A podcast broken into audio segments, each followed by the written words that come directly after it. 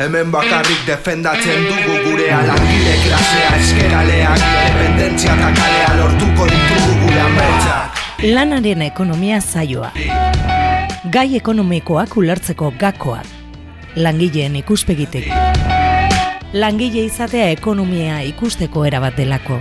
Endika laborta mundarain, eta Jon Bernat Zubiri ekonomalarien eskutik. Hemen bakarrik defendatzen dugu gure alangile klasea Eskeraleak, independentzia eta kalea lortuko ditugu gure ametsak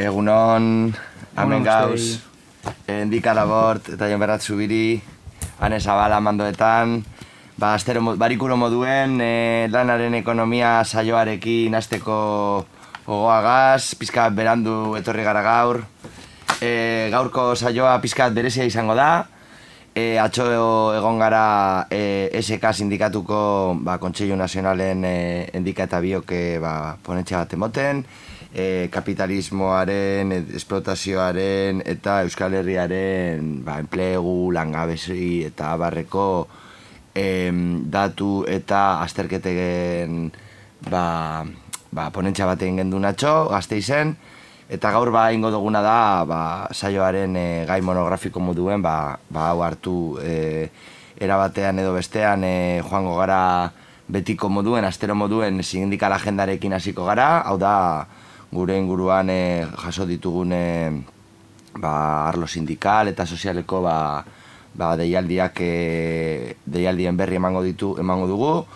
Gero endika hasiko ga, ba, ez, endika hasiko da ba, Euskal Herria Euskal Herri penintsularraren egoera ekonomikoa eta nola ze bilakara egon da azken hamarkadan ba, erresizioa handia edo deitzen dan e, garai honetan. Eta gero ba, jarrituko dugu ba, esplotazioaren eredu berri eta zaharren inguruko e, azterketa bat egiten, bai, bai esplotazio kapitalista klasikoaren izaera zein dan, bai gaur egungo lan harremanen baitan gertatzen diren esplotazio prozesu berriak edo prozesu berri zaharrak atxo gazteizen esaten gendun moduan. Azkenan kapitalismoak berritzen da etengabe eta gaur berria berriaren izaera duena sarritan aintzineko garai batean bebai egondan esplotazio izaera berri eta zaharrak e, dira. Orduan ba astero moduen e, lanaren ekonomia saioa Bilboiria irratian aurrera.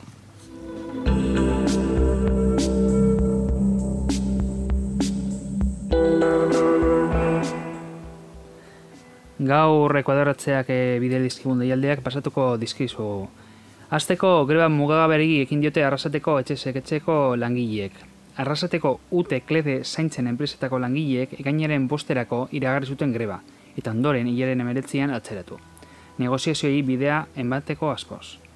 Negoziaketa horiek e, hasi ziren baina porrota egin dutela adierazi dute atzo, e, orain dela hiru bakatu orain dela hiru egun eta ekainaren 19ean grebari hasiera eman diote. Greba mugagabea arrasaten.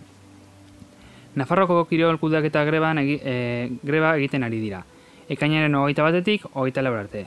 Piketeak sortzi tardietan izan dira, Unibertsitate Publikoaren kirol in- instalakuntzetan. Elkarretaratzeak gaur amaiketan sedenan eta zazpietan nue bortikan iruinen izango dira.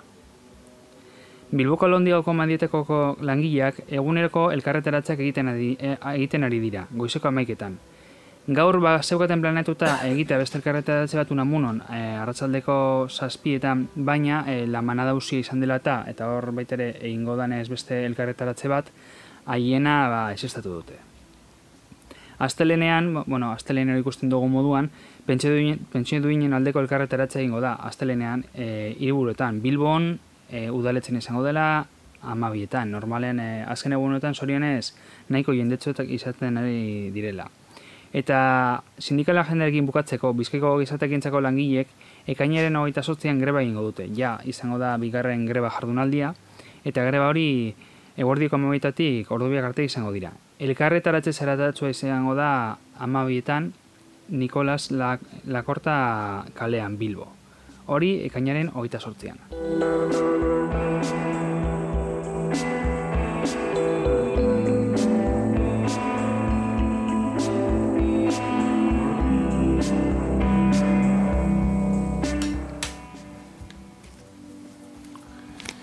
E, bueno, ba, esan dugun moduan, e, atxo e, SK-ko, SK sindikatuko ba, Kontxillo Nazionalean e, itxaldia emoteko ohorea izan dugu, endika eta biok. Eta, bueno, pentsatu dugu, ba, gure asteko saioa egiteko, ba, proposa zala, ba, pizka bat atxo bota gendun txapila, ba, gaurre laburtzea hemen irratirako. Orduan, e, lehenengo kokatzeko endika, e, Euskal Herri penintxularraren e, egoera ekonomikoaren inguruan, e, ba, zenbait, e, zenba, diagnosi, diagnosi bat egin dozu, ez? Bai, arlo nazionaletik etortzen diren, ba, enplegu, le, sektore eta barreko datuekin, bai gero, krisi garai honetan, gertatu den bilakaera, eta bebai, tokian tokiko, zenbait hiri, zenbait metropolien, e, e, ba, nagusitasuna e, eredu ekonomiko kapitalista gero eta konzentratu honetan, ez? Orduan, e, bueno, zein da, zein da diagnosi horren e, horrela bizpairu idei nagusi? Azteko, e, bueno, egin, egin, egin berduguna da enpresen mundura begiratu, zertatu da enpresen munduan. Hartzen badugu Euskal Autonomia Erkidegoan, e, enpresen evoluzioa ba, ikusi da nola e, azken urte duten murriztu dala, baina eskualdek aztertzen badugu e, gure erkidegoan, ba, iku, e, nabari ikusten da zein lurraldetan konzentratzen direnia enpresa gehienak. Hartzen badugu ba, lehenengo hiru eskualdi horiek, Bilbo handia Donostialde eta Arabako lautada, gazteiz, esaterako, e, horiek enpresa guztien irurogeita marra, laurogeita mar inguruan e, e, hartzen dute. Hau da, Bilbo handiakia berrogi, Donostialdeak ia amabost amasei, Arabako lautada ba, beste amabost edo antzeko, Eta gero besteko eskualde guztiak, ba, eskualde guztietan enpresen kontzentrazioa apur bat murritzago da. Urrengo izango lirateke Durangaldea, Bidasoa Behera, Urola Kosta, Goierri, apur bat ba, e, izaera industrial duten eskualdeak. Baina bai nabaria da, e, hiriburuak edo eskualde bilbondi hartzen danean, baita ere eskerralda zututa dago, ezta? ba, nola hiru eskualde horiek ba, enpresa guztiak kontzentratzen dituzten. Eta hori badokarreman bat ba, kapitalaren dinamikarekin, kontzentrazioarekin. Hori e, eskualdeka, baina hartzen badugu apurat sektoreka, hor e, industria arloan, industria energita olakoetan, ba, esleipen edo nola banatzen dira apurate ba, ez da hain konzentrazio handirik, bai, Bilbo handiak hartzen du ia euneko gita marra, edo nosti aldea, alako lauta, baina gero besteak, ba, bueno, badaukate pisu gehiago industria arloan. Noski, hartzen badugu gero e, zerbitzuen e, arloa, zerbitzu, hau da, nekataritza, garraioa eta ostalaria, hor e, argi eta argi dago berriro ere patroi bera errepikatzen dela. Badauzela Euskal Autonomia Erkidegoan hiru lurralde, hiru eskualde, zintzuek hartzen duten enpresen e, ba, kopuru guzti hori hori, ba, bueno, e, azken urteotan e, indartu den dinamika da. Eta horrek eragina dauka, eragin negatibo bat dauka hainbat e, beste eskualdetan. E, industria arloan ez da hainbeste naberitzen oraindik, baina beste sektoretan asko. Artzen badugu Nafarroan, Nafarroan e, ez dut aurkitu eskualdeko edo eskualde mailako daturik, baina bai e, ikusten da nola zerbitzuak eta merkataritza dira enpresa guztien ia gehiena. Eta hartzen badugu Nafarroan, e, baitere, enpresen tamaina edo langileen aldetik, erdia baino gehiago ez daukate langilerik. Hau da, autonomoak dira, edo SL-ak. Eta gero, bigarren bloke hori izango ditzateke Nafarroan, erdi hori. Eta, eta hartzen badugu mikroprimeak edo mikroenpresak dira, batetik beratzira, ia beste euneko hogeita magosta. Ikus daiteke nola Nafarroan, enpresen kopurua direlaia mikroenpresaia gehienak. Zer gertatu da kopuroen evoluzioarekin? Ba, hori baitere hartzen badugu eskualdeka, ikusten da nola badauzen ba, hainbat lurralde e, askunde positibo izan dutelak, gehien bat, aipatu ditugun hiru hiru urbe horiek, Bilbo handia donostialdea eta gazteiz, eta beste lurralde batzuk e, indar pilo bat galdu dute enpresen kopuraren arabera hori 2000 maike, 2000 artean enkarterriak, aiaraldea, baita ere ba, e, Rio Jalabesa, Nafarroan ez den beste nabaritzen, baina, bai, baina, baina hor badago aldea. Apur alda bor bilduz, 2000 eta 2000 eta boste, ama bosten artean, berro enpresa galdu dira, baina bai, erdia bat edo bi langile e, izan dituzte. Eta horren inguruan, ba, bueno, e, atzo e, itzaldian epatu zen, e, ion berrak epatu zen, ba, kapitalaren dinamika, ba, kapitalaren dinamika hori konzentrazioa darama, eta Euskal Herria ez da dinamika horretik kanpo geratzen.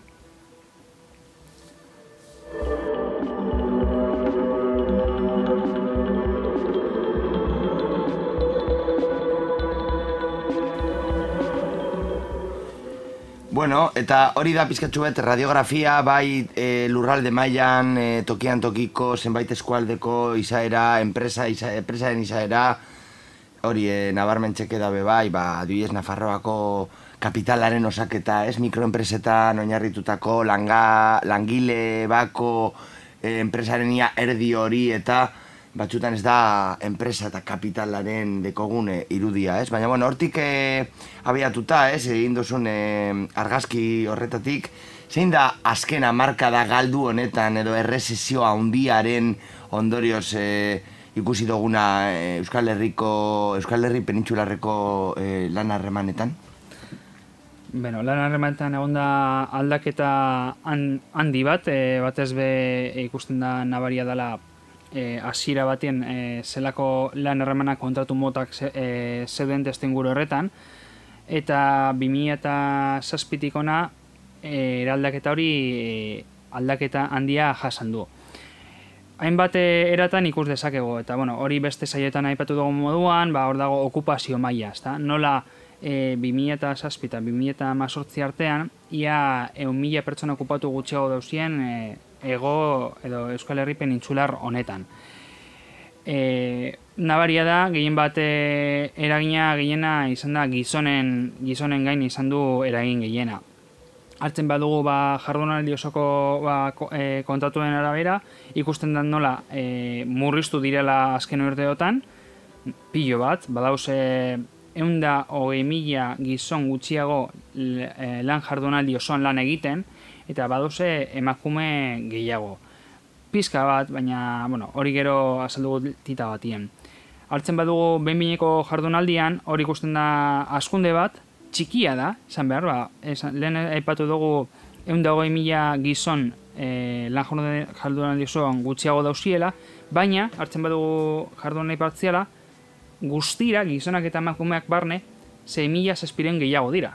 Orduan, horrez dago kompensazio bat, e, inondik inon hartzen badugu ba hori jardunaldi osoan ba, e, evoluzioa nabaria da. Dauzela e, ia mila gutxiago e, kontratu osoan. Eta emoten den emakumen askunde oso txikia da e, testen horretan. Ez dira ma milara heltzen.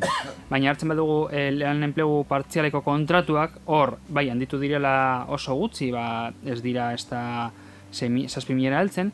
Baina hor irudia oso nabaria da. Ia gehienak emakumea direla. Gaur egun, e, gizonak, lan jardun honetan dauzen gizonak direla berrogeita bos mila gutxi gara era, eta emakumeak irukoitza. Egun da, irukoitza baina baina, egun da, irurogeita, irurogeita mila. Hori izango litzateke, ba, bueno, kontratuen aldetik. Horren ondori bat da, lan, partzi, lan e, partzialak ia, ia, ia, la, emakume aurpegia duela, eta baita ere, aipatzen danean, e, bai, emakume arpegi duela, baina, bueno, haiek, haien ere baki izan da, ala ez.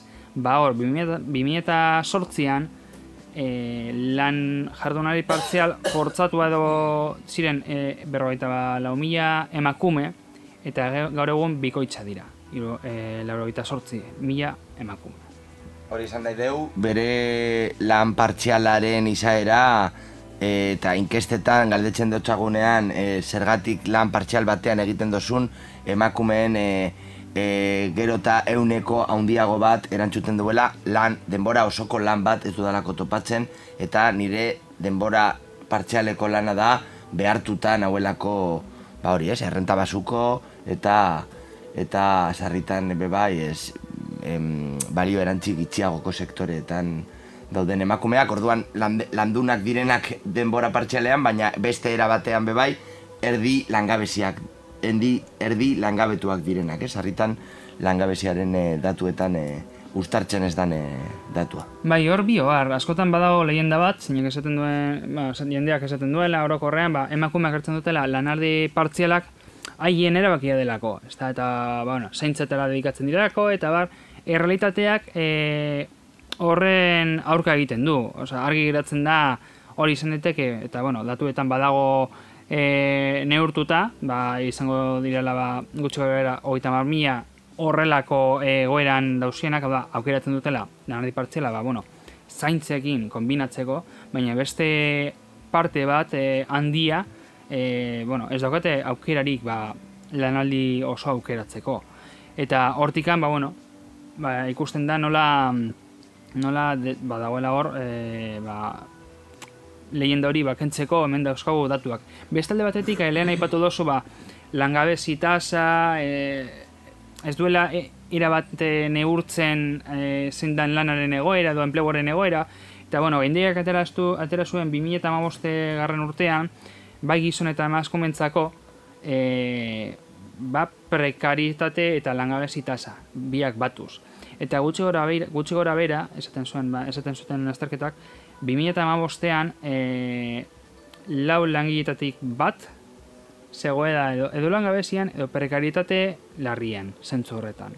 Orduan, askotan epatzen denean eta bueno, beste saietan epatu dugu moduan langabezita zapioa murriztu dela, prekaritate kontutan hartzen badugu, lau langietetik bat, prekaritate larrian badago. Eta emakumeen kasurako, hau eta hau edo zenbaki hau handiago da.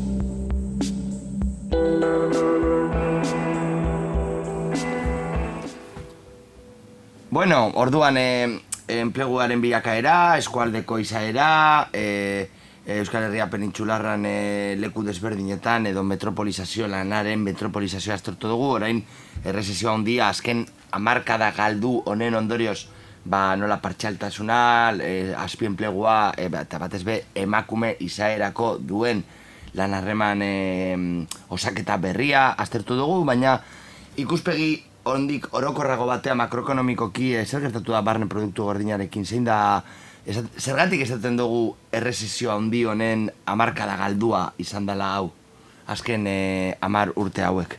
Argitu behar da, barne produktu gordina, aberastasunaren sorrera neurtzeko den tresna bat dala. Orduan, e, hor hartzen badugu, azken amar urteak, ba, ikusten da nola, barne produktu gordina, bai per capita, eta baitare osoan, ba, 2000 eta zazpitik, 2000 eta ma artean, ba, hor, galera bat egon zala, eta orain gaur egun, e, 2000 eta zazpiko kopuru edo datu hori berreskuratu dugula. Horrek zer esan nahi du, ba, bueno, beste zeietan azaldu dugu moduan, galdutakoa berreskuratu dugula, baina azken amara urteetan ja ez gaude posizio berean, atzera egin dugu. E, hartzen badugu ba, Nafarroa eta Euskal Autonomia Erkidegoan, ba, 2006an gutxi gorera gainditu zen e, ba, krisi garaiko barne produktu gordina. Noski, hori da zenbaki potolo bat, e, eta ezin dugu perkapitaren analizia edo guztien artean banatzea, hori ez da errealitate bat. Zagatik ama, batzuek barne produktu gordinaren parte handi bat bere ganatzen dutelako, ez da beste batzuek txikiago. Hartzen badugu kapitala eta lanen artean, Euskal Herri mailan sortzen den aberastasunaren erdia kapitalak hartzen du, enpresetara doa. Eta beste erdia, edo ja gutxiago da, e, langilin gana.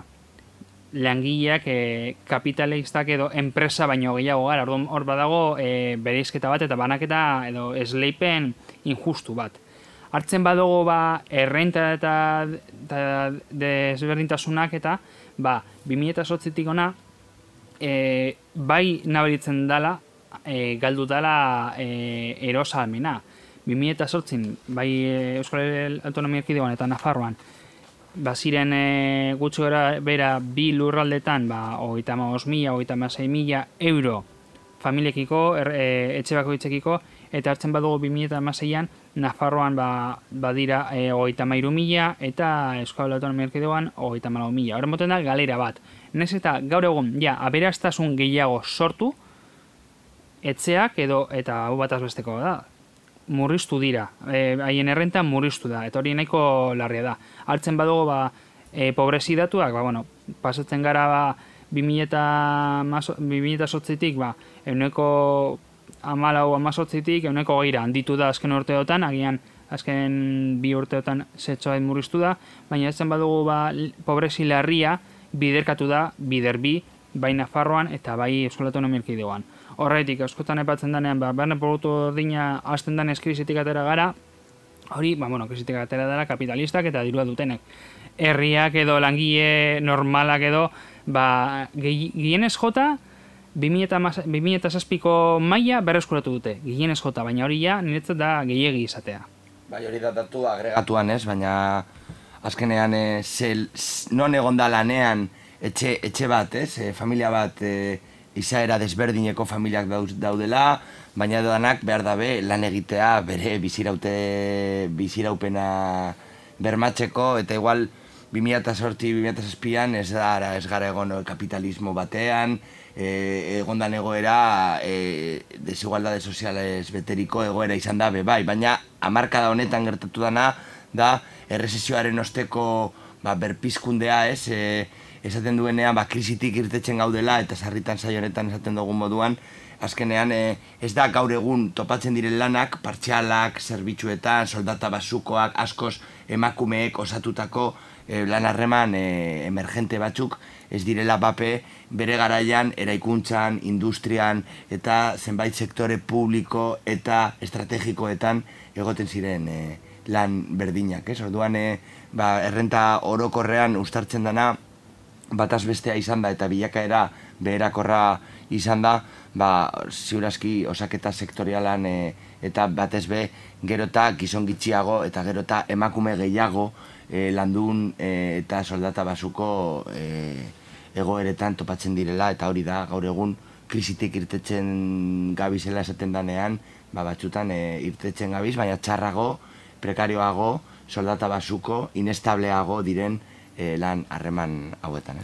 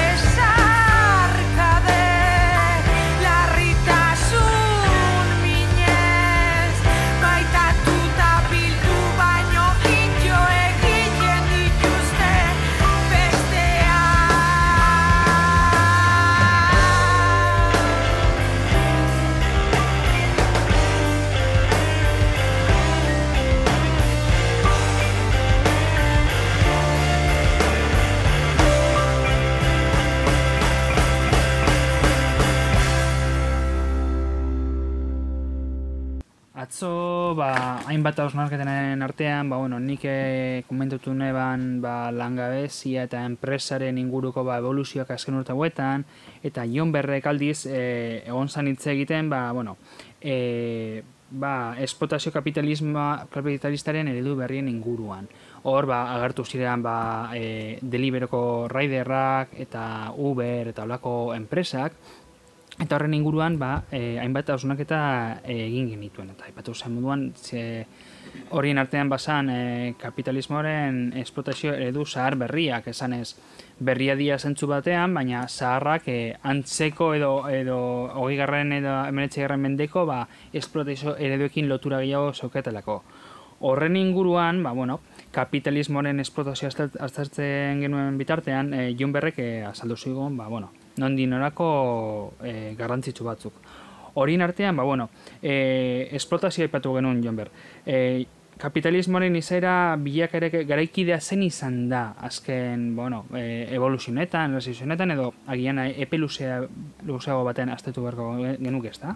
Bai, gure Madrileko lagun batek, Xabier Arrizabalok, e, Donostia aita iz, e, duen Madridar, Madridar e, iraultzaile bat, bera sarritan hori ez, toikuntza, oza, ekonomia kapitalistaren izaera da e, tendentziala e, beti e, beherakorra eta langileen aurkako te, kontradikzioak areagotzeko e, sistema bat. Hori zen esan nahi dugu, azkenean sekuentzia desberdineko epeak daude, ez da ziklikoa, batzutan ekonomia zaten da, ba, gora, bera, gora, bera, eta izango basan beti, beti puntu berdinera e, bueltatzea, eta hori da, basarritan emoten dan ikuspegi e, ekonomikoa, baina hori ez da sarritan ikuspegi marxista batetik estartzen dana dala batzutan krisi garaietan langileen aurkako erasoak egoten dira doikuntza edo ajuste politikak e, e, aplikatzen dira eta krisi garaien osteko ba, e, berpizkundea edo suspertzea egoten dan garaian azkenean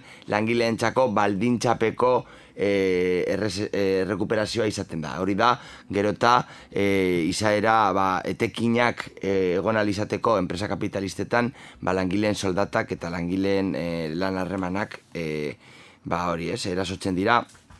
Eta hori bebai, etorkizuneko etorkizuneko tendentzia e, dala ikusten ari gara azken urteetan, ez? Azkenean e, ikuspegi makroekonomiko batetik aztertu behar da kapitalismoa, hau da, enpresas enpresa gertatzen dana, badeko testu inguru orokor bat, testu inguru orokor hori gaur egun gure garai neoliberal honetan, ba gertatzen ari da, nazioarteko e, desregulazio e, prozesuak dira, gero eta lehiakorra dan eta herrialdeen arteko leia e, nagusi edo em, ardatz duen e, e, osaketa ekonomiko bat eta bueno, ba, buru jabetza eta tokian tokiko lan harremanak ba, e, eragina tokian to, buru jabetxan eta tokian tokiko lan harremanetan eragina duen prozesu bat. Ez gero, arlo mikroekonomikoan bebai kontutan esarbea da, azkenan enpresetan gertatzen da e, kapitalismoaren esplotazio, esplotazio prozesuak eta enpresa mailan azkenan enpresak behar batzuk dituzte, efizienteak izan behar dira, etekinak atara behar du be,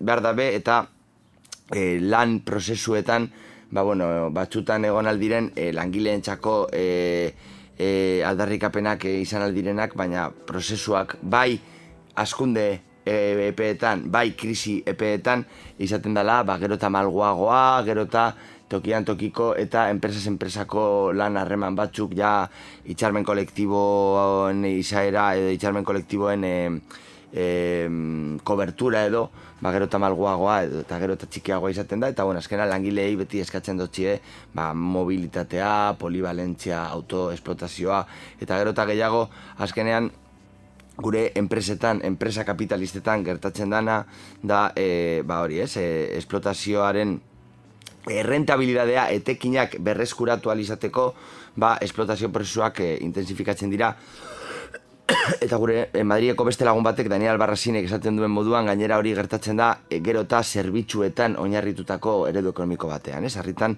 e, e, langilearen esplotazioaren irudia historikoki maskulino eta e, fabril edo fabriketan e, e, nagusitu dan esplotazio bat Euskal Herriaren ekonomia oin dela hogeita bosturte, ba, erdi bat, barne produktu grinean, erdi bat industriala zan, ez? Eta gaur egun, ba, laurden bat, baino gitxiago da industriala, eta gero eta zerbitzuetan konzentraten den e, enpresa kapitalista, ba, hori, eh? merkataritzan, ostalaritzan, zerbitzu pribatuetan, garraioa, logistika, e, konsultoria, edo inten, em, jakintza maila intensoko, teknologiko, teknologikoki intenso, intentsiboak diren sektoreak nagusitzen dira.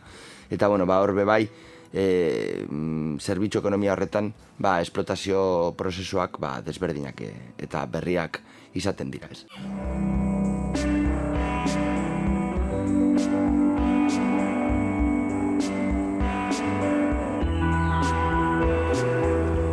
Itzen dugu esplotazio buruz, baina hor bada garrantzitsua buletzea zein den ba, esplotazio hori ba, e, aplikatzeko erreminta. Ez da, esplotazio tresna nagusia, kapitala baitu bereak, eta joan zeintzu dira kapitalismoaren esplotazio tresna nagusia hauek?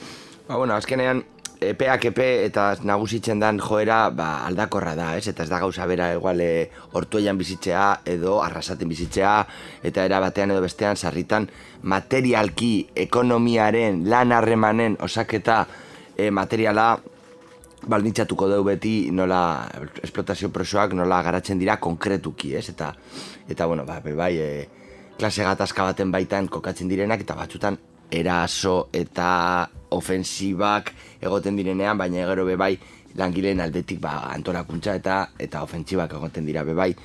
E, izatekotan edo zeinean e, esplotazioa ez da bakarrik lanean gertatzen den esplotazio bat, ez? E, sarritan e, gaur egun esplotazioaren e, e, tresna nagusi bat azkenean langabezia da. Eta hori bebai, sarritan aipatzen duguna e, langabezia ez da bakarrik langabezian geratzen danaren txako larria.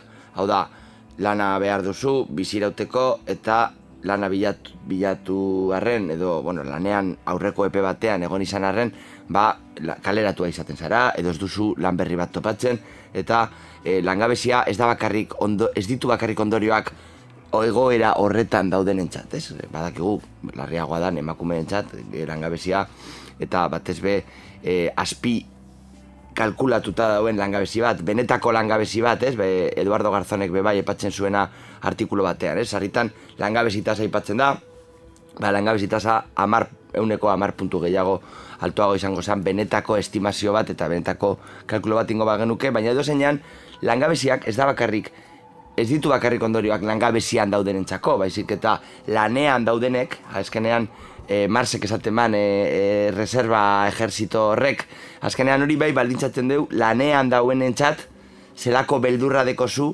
eta zuk azkenean enpresaren atean joka badaue e, lana bilatzen dauen hainbeste eta hainbeste hilara bat, e, hori bebai baldintzatzen dugu lanean daudenen e, lan egoerak, azkenean kaleratzeko arrisku bat, eta beste langabezian dauden pertsona bat e, ordezkatzeko zure lanpostua eta hori langileen eskaerak eta langileen aldarrikapenak e, gitxitzeko joera e, e, ondori izaten du. Langabezire buruz hitzain duzu, baina badaude tresna gehiago, ezta? Ez da bakarrik e, langabetu izatea edo lanen izate, ezta?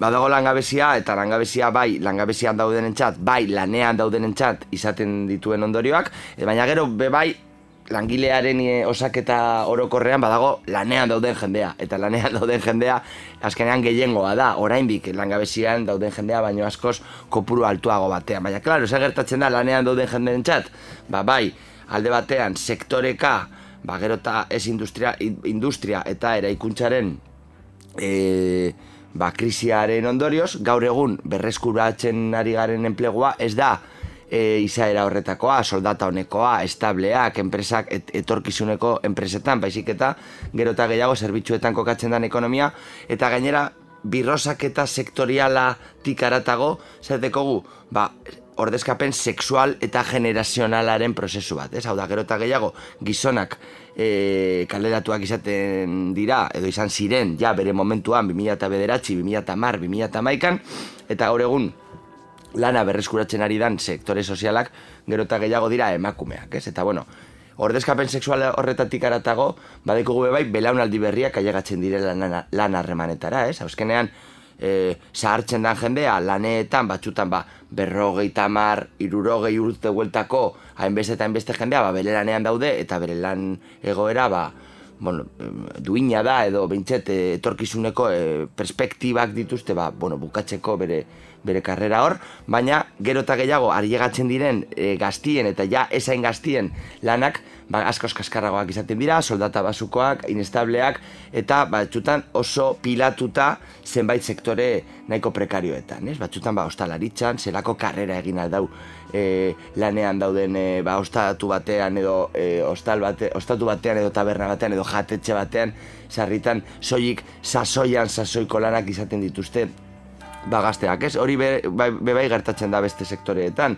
gero eta gehiago zerbitzu pribatuetan, e, zure formakuntza, aurreko formakuntzakin lotura ez dekon lanetan, eta abarreko, eta abarreko izaera, edo zeinean, langile klasearen aurkako doikuntza bat egon da, ajustea esaten dara gazteleraz, eta horre bai soldatan e, aurkako eta danon bizi baldintzen, eta bai gero merkataritzaren, enpresen eta abarreko emaitzak baldintzatzen duen e, prozesu bat, ez? Eta bueno, eta ja bukatzeko, dekogu langabezia eta dekogu soldaten aurkako erasoak, eta zer gertatzen da, horren ondorio sortzen dan zorra, ez? Eta gero eta gehiago berbaitzen dugu zorrari buruz. Zer azkenean, zer gertatzen da, langabezian gertatzen da, geratzen dan etxe batekin. Edo, zer gertatzen da, soldata gero eta basuagoa duen e, langile klase batekin. Bazkenean, bere kontsumo pauta, bere kontsumo norma jarraitu alizateko, ba, beharrezko izaten da bere burua sorpetzea. Eta bere burua sorpetzea, azkenean, bere etorkizuneko, bere egunean eguneko gastuak egina izateko, edo batzutan inbertsio batzuk egina izateko, kotxe bat erosteko, etxea erosial izateko, e, bizial izateko, ez dakit, batzutan gaur egun gero eta kreditu basuagoa, gero, gero eta kreditu, kreditu kontsumo kredituak bebain nagusitzen dira, batzutan jendea behar du kreditu bat eskatzea e, inbertsio, etxeko inbertsio txiki bat egin izateko, eta zure soldatarekin ez bazara gai inbertsio hori egin, e, egiteko, bas, azkenean, basorpetxea, eta azkenean sorkrazia moduan e, behin e, aipatzen, aipatzen geduna hemen, hemen honetan, ez? Eta gero eta gehiago aztertzen den egoera bat, azkenean garai troikano neoliberal honetan langileen errentan aurkako erasoak egon diren einean, ba, gero eta gehiago zorrak, eta batez be, sarritan politikariek arduratzen dira zorra publikoari buruz, eta zorra publikoa da, eta defizit publikoa jitxe behar da, eta beharrezkoa da, e, austeritate fiskal bat esartzea gure gure erakundeetan, eta zer ikusten dugu, bai Euskal Herriko ekonomian, bai Europako, Europa egoaldeko beste herrialdeetan, eskena zor pribatua da arazoa, ez? Eta bereziki, enpresa pribatuek eta etxeek dituzten zorrak, ba, gero eta gehiago dauz ekimenak, ez, hori aztertzeko, auditoria prozesuak bultzatzeko, edo zeinan politikoki konpondu behar izango dugu, naiz eta azken urteetan desapalankamiento bat daudo. Hau da, ez dira kreditu berriak emoten, eta orduan, zorra orokor kopurua bajeisten da poliki-poliki, edo zeinan hori e, familientzako e, arazo larria da, ez, azkenean egunez eguneko gastuei aurre egiteko baliabideak ez dituzten familiak, langabezia eta soldaten aurkako erasoak direla da medio, ba, gainera, bere kredituei aurre egiteko, ba, behar izaten dute, ba, ba hori ez, beste gastu korrientei uko egitea, eta, eta bueno, ba, ba gero eta gehiago, e, e, soldata basuko eta eta bankuei bideratutako eredu ekonomikoa, ez, jendea, lehen etxi behar deu bankuei kredi, mailegoaren e, e, ilean ileko pagoak egitea beste gastu eta beste e, be, beharrezko inbertsioei aurre egin beharrean.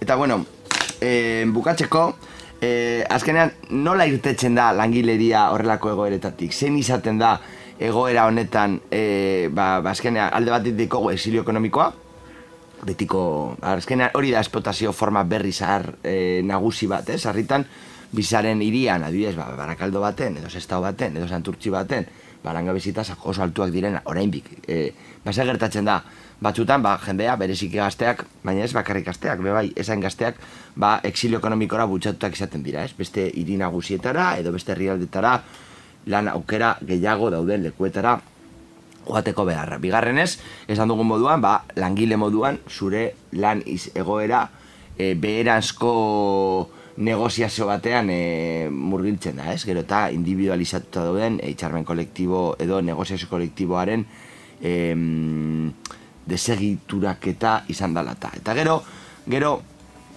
eta nabarmenak diren beste bi joera, edo zeinean, e, atxo asko eztabaidatu dugu hori esekako lagunekin, ez? E, azkenean batzuk esaten dute, no? baina langileriaren normalta, o sea, normaltasunez gero eta jende gehiago, jende asko, e, betiko lanetan daude, ez? Bai, bai jende asko betiko lanetan daude, baina be, gero eta jende gehiago eta be, bereziki gero eta be, bereziki langile berriek, bereziki emakumiek, belaunaldi berriak, topatzen duten e, egoera, da bai lan kaskarragoak izatea, edo bintxet, gero eta e, modan dauen, ez, e, emprendimiento horren baitan kokatzen den paradigma bat, ez? Hau da, ez deko zulanik, ba, egin aldozuna da zure enpresa propioa sortzea, ez? Eta batek esango deu, ja, baina nik ez dekot kapital bat inbertitzeko, no? ez naz enpresaria, ni langilean, ez langabizian nago, eta lanbidetik, e, lanekintzatik, e, gobernutik, e, ekintxaietxa programetatik, zer esate zein da em, pertsone hori igortzen zaien bezua. Ah, ba, bueno, ba, ez badeko zulanik, langabezian basagoz,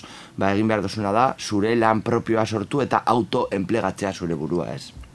Bai, hor askotan aipatzen da e, bakoitza bere marka izan behar dela, eta nik e, horren ingura izan dut zenbait e, pertsona langilea kapital bakoak eta nola e, filosofia hori bere ganatzen duten autoenplegua eta esplotazio eta bereiek direla beren marka, orduan bereiek saldo behar dutela beren marka hori, ez da? Claro, bai, gero hor frustrazio iturri bat da, ez? E, Madrieko e, soziologo bate, Jorge Morunok, ez? Batxutan e, aztertu, aztertu duen moduan, e, zer da, enperdeudoreak, emprendedoreak baino, batxutan enperdedoreak, asteleraz galtzaile, enper, enpresan e, prozesu horietan galtzen dan hainbeste eta hainbeste jendea.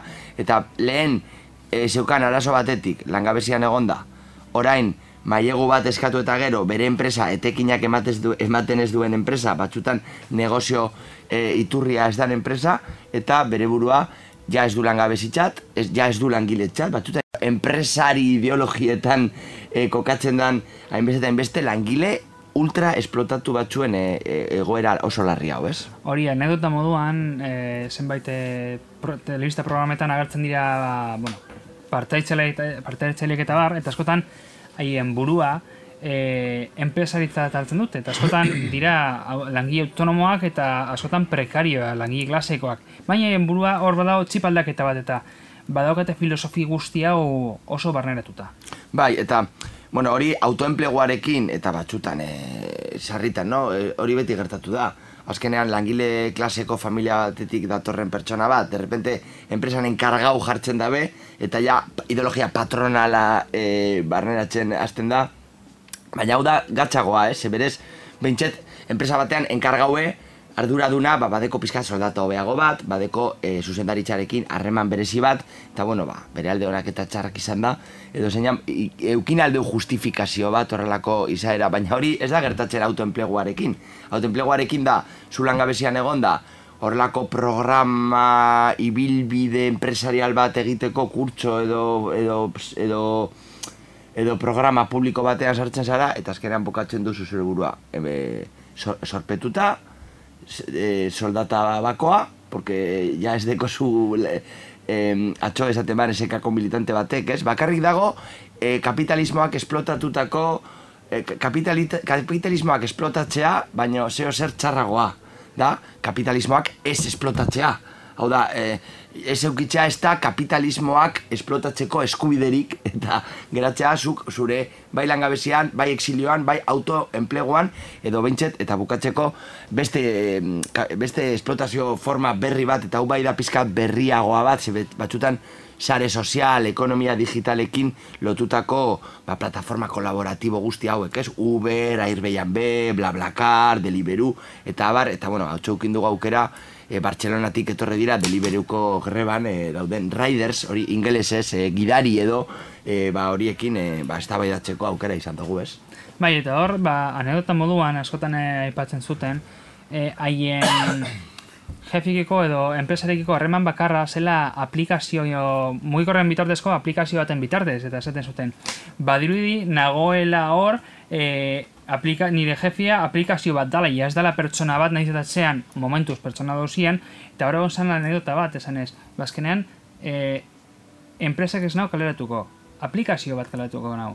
Bai, eske azkenan da kapitalaren desitxurak eta be bai, ez? Dekogu kapitalismo klasikoaren izaera bat, dekogu patroi bat hor, latigo batekin hor, e, e, fabrika fordistan, ez? Eta gaur egun, bakasu honetan, eta plataforma hauekin dekogun ja e, kapitalismoaren tuerka buelta berri hau, dala, incluso zu lanean zagoz, adibidez, deliberun, atxo, deliberuko langileekin egon garata, zu esplotatuta zauz, e, bueno, ba, e, joaten zara leku batetik bestera jateko aero baten, jendea aplikazio batetik eskatutako em, jaket, jat, jatekoak ba, zuretxera eroateko, hori oso margen basuetan iru lau euroko e, soldata batekin, edo zeinan inoz kontratista batek, transportista batek onartuko zuen egoera batean, baina eske gainera, e, bai greba egitea gaitxik, bai kesa egitea gaitik, bai edo zeinan, Gero ezara kaleratua izango, ezago, ezago lanean enpresa horretan, eta gero kaleratuta izateko aukera izaten duzu. Ba, etxuta, atxo esaten zen, desaktibau itxa, kaleratzea baino, desaktibatuta izan alzara, bai, kesatzen zarelako, bai, ez dozulako adibidez, gainera GPS monitorizotuta, bueno, atxo kontatutakoak dira, George Orwell mila beratxerun eta laueko utopiatik, baino asko zaratago doan, gaur egun gure ekonomia e, digital, gainera kolaboratiboa ditzen den eredu horretan, zuk bezeroa digitalki GPS bidez jarraitzen deu zure bilbidea. Eta zuk adibidez, soaz, deliberuko e, bizikleta batzutan ja gure hirietan ikusten ari dugun motxila karratu handi horiekan, ez? Eta gaztiek hor bere bizikletagaz, eta gelditzen bazara adibidez lagun batekan, ba, lagun batekin berbetan, edo topatzen zara zure amumagaz, eta geratzen zara zelan amuma, ba, bezeroak ikusi aldeu, zuk geldituta zauzela, eta bere jatekoa ez dator bidean, eta hori salatu aldeu aplikazioaren bidez, eta edo zeinean, azkenean gau, ja da gaur egun, bori, kapitalismo, eta datuetan oinarritutako eh, kapitalismo omnipresente eta ultra esplotatzaile bat, ez? Hor, anekdota moduan, aipatzen zuten, nola enpresa hauek berez negozioarekin, hau da, e, Baskaria edo lako janari eramateko, negoz, eramateko negozioarekin, berez ez zutela dirurik e, irabazten, hor, galeretan zeudela.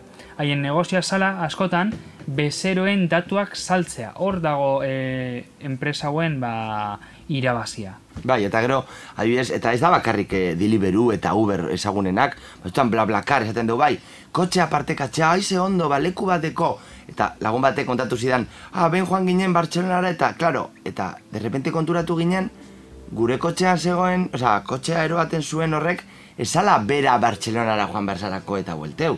Baizik eta, bera, ba, lan moduan, joan etorriak itzen zuela Bartxelonara, ba, imagine hori taxian egitea, edo, edo, incluso, e, e, oza, da, aspi lan bat, eta gaur egun, plataforma kolaboratiba hauetan, itxura, buen rollista, guai batean, kokatzen den eizaera bat, gauza bera gertatzen da, eta hemen beha ipatu dugu airbeian be, goratuko zuile, hemen e, gero, gure, gero iruña ni, ni neu egon naz airbeian behatean nire kuadriagaz, baina ebiez, e, oindela bihazte, beste anekdota bat, baina e, egon naz alpesetan, eta hor e, lagun bat, bere etxean, eta bere ondoko bezino batek, gure etxean zegoen, bueno, lagunen etxean zegoen e, gauero, ze bere pisua airbeian betik alokatzen zuen.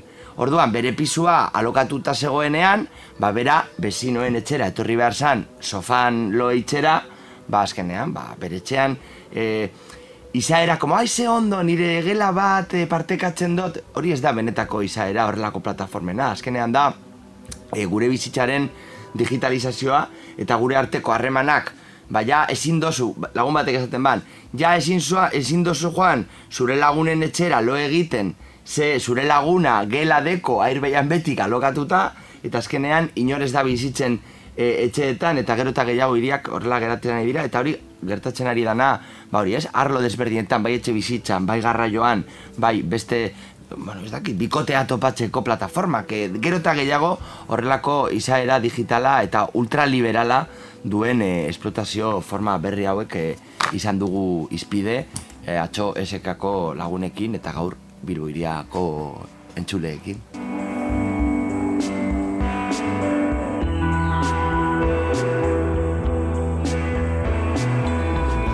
Bueno, gaur erresesio handiari buruz e, jardun dugu, eta, bueno, hor e, aipatu beharrekoa, ja, testu inguru sozioekonomikoa azken amar urteetan aldatu dala, ez gabiltzela 2006-2008ko egoera berean, baina hala ere zenbait analistek eta hainbat masen komunikabidea komunikabide handiak, ba, bueno, errepikatzen dute hainbat gauza, hainbat e, idei direla 2006 sortzi garaikoak, eta hemen astartu dugunez, egoera aldatu da eta bi argazki hartuta e, era bat ezberdina da gure egoera oin dela amartuarekiko alderatuz. Horretik, ba, bueno, planteamendua izan da e, hau ba, berriro hemen era didaktiko batean azaltza edo hori gezen gure naia gutxienez, eta e, hemen usten zaituztegu. Bueno, hemen Bilbo erian, alabedin, eta biztu irratia Gernikakoan, baita ere hor entzuten gaituzue. Hortik, bueno, urrengo astetik, urrengo astean berriro argiago kasetari bat izango dugu guregaz, ba, gai, beste gai interesgarri buruz hitz egiteko. Eta bueno, hemen John Bernat, endika eta gidatzen mandoetan Ane Zabala. Hemen bakarrik defendatzen dugu gure alangile klasea eskeraleak Independentzia eta kalea lortuko ditugu gure ametsak Lanaren ekonomia zaioa Gai ekonomikoak ulertzeko gakoak Langileen ikuspegitek Langile izatea ekonomia ikusteko erabat delako. Endika laborta mundarain eta Jon Bernat Zubiri ekonomalarien eskutik. Hemen bakarrik defendatzen dugu gure alakide klasea eskeraleak, dependentzia eta kalea lortuko ditugu gure ametxak.